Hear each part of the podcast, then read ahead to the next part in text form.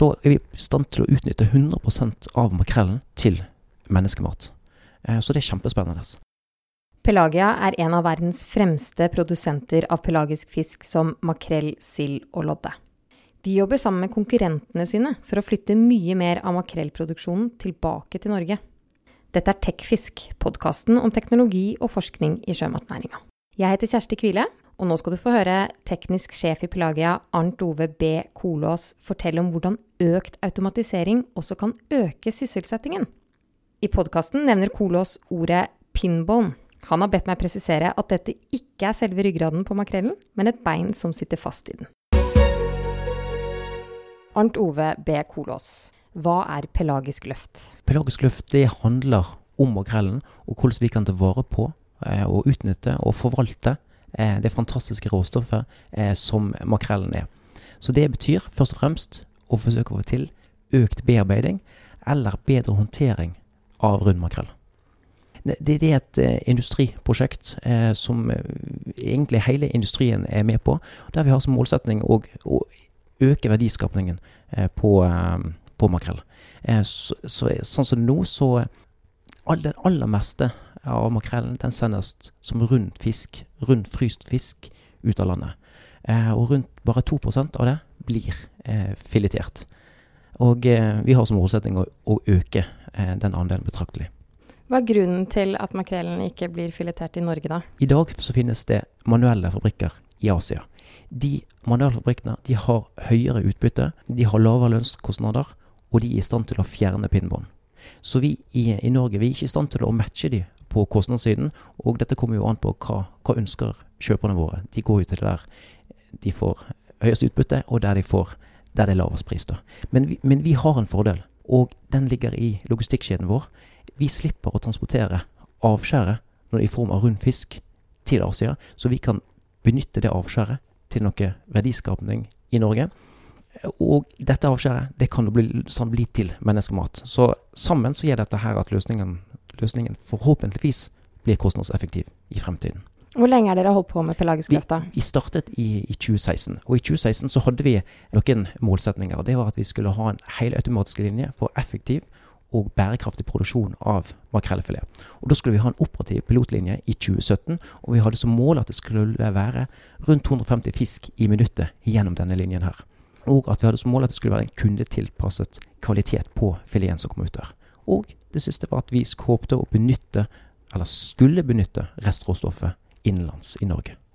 Så det var hoved, en del av hovedmålsettingene når dette ble startet opp i 2015-2016 der omkring. Og hva er det dere har fått til, da? Vi fikk en operativ linje i, i 2017.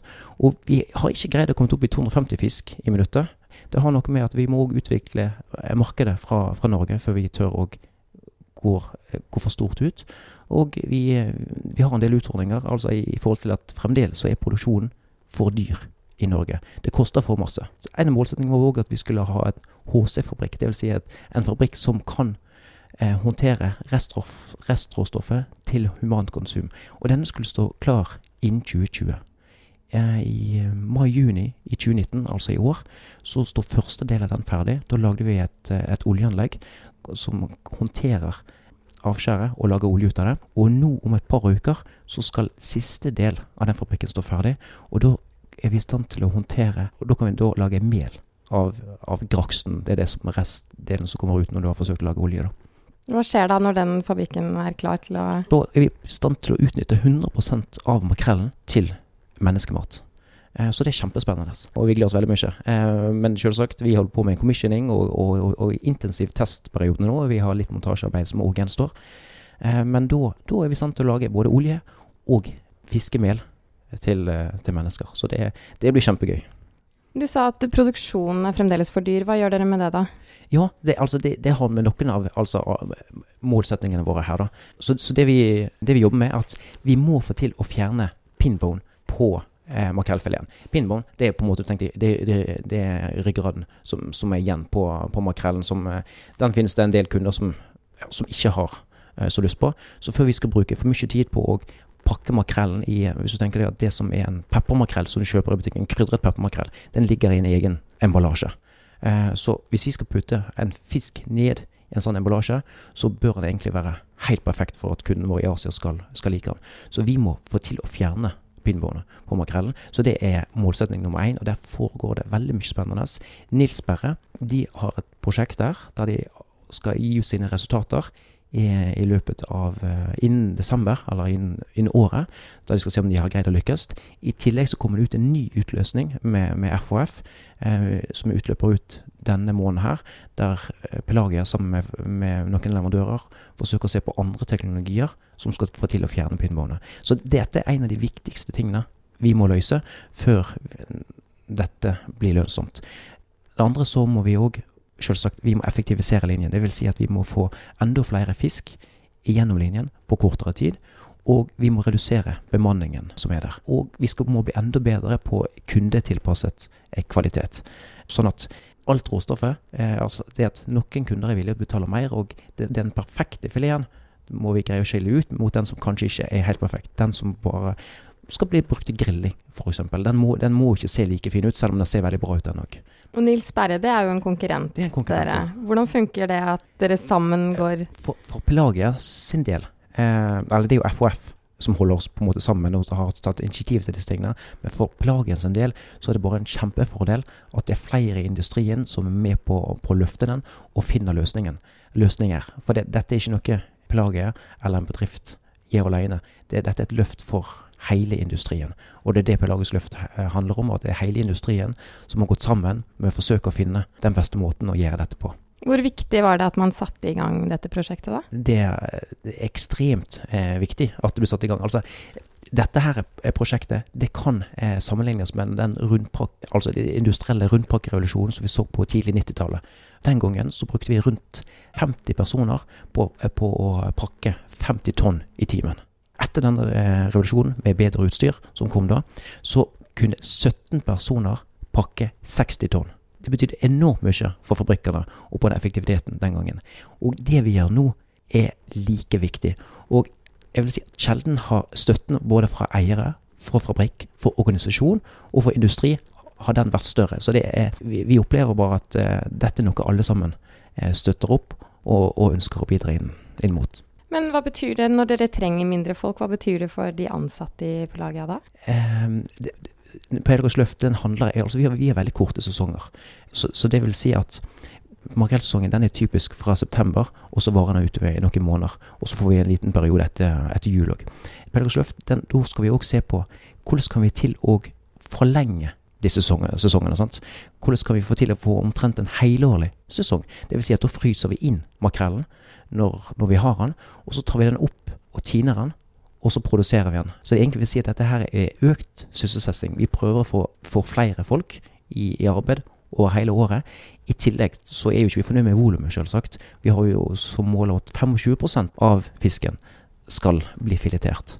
Og det, og det vil jo ha veldig stor Ha mye å si for eh, distriktene, og for sysselsettingen i distrikter. Makrellen, er det noe sånn veldig spesielt med den? Er den vanskelig å bearbeide? Han har eh, en annen beinstruktur enn det, enn det silden har. Så det er ikke like lett å få ut beina som på, på, en sild, som, eh, som, egentlig er ve veldig enkelt. Eh, jeg kan jo fortelle litt om, om, hvordan selve prosessen går foran seg. da, sånn at eh, I dag så kommer jo eh, fiskebåtene med fisk inn til til anlegget. Det, I vårt tilfelle så er det selje da, som de kommer inn til. Her blir fisken pumpet eh, over en ressursvekt, og vi sorterer fisken. Så fryser vi den inn, fisken, hvis den skal bli brukt opp og lagret til senere bruk. Eller så blir den sendt til fileteringsmaskin. Men før den kommer til fileteringsmaskin, så er det kjempeviktig at vi har kontrollstyring på temperaturen. For han må ha helt nøyaktig temperatur idet fisken kommer til filetmaskinen. Eh, så da har vi en tinetank eller en tempereringstank som vi enten tiner opp fisken, eller som bringer han da fra eh, et par plussgrader ned til noen minusgrader. da. Og det har vi jobbet veldig mye med. Det har vært en, en, en stor utfordring å få den tinetanken til å fungere på en effektiv og god måte, sånn at du sikrer lik kjernetemperatur på all fisken som ligger i den tanken her. da. Så, etter det har blitt filetert, så går det videre på et trimmebånd der vi går over fisken. Så går vi inn på en, eh, en båndfryser der vi skallfryser fisken. Så går det inn på en spiralfryser der vi bringer temperaturen ned til en plass mellom minus 26 og minus 30 grader. Og så blir fisken etter dette her gradert på nytt, der vi samler de filetene som er like tunge, i en pakke. Og så blir dette pakket og inn på fryselageret vårt.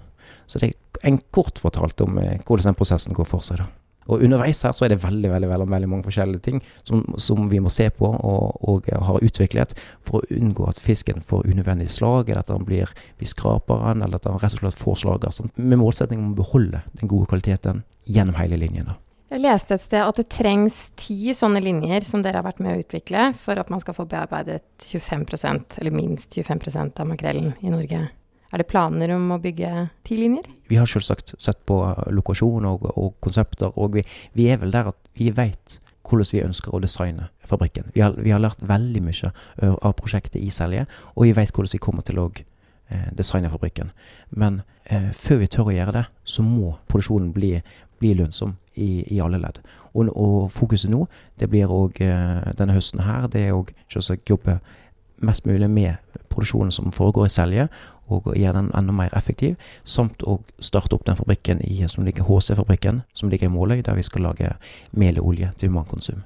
Så, så, det er de to store tingene vi holder på med i høst. da. Men de linjene, bare for å presisere, skal de være på én fabrikk, eller skal de fordeles utover kysten, eller? De vil ikke bare være på én fabrikk. De vil, de vil komme andre plasser. Så er ikke vi helt klare med å si nøyaktig hvor de vil komme.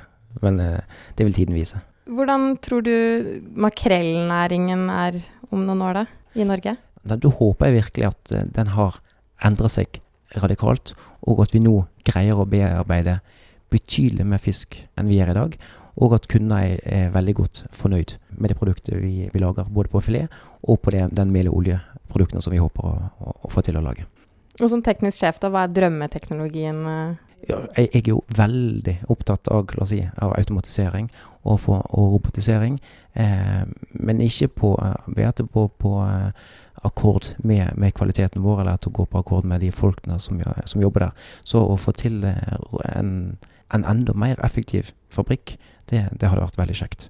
Eh, men han må samtidig ikke bli så komplisert og så vanskelig at vi har ikke folk som kan, kan drifte denne på en fornuftig måte. Vi må huske på at våre fabrikker de ligger ikke i byer.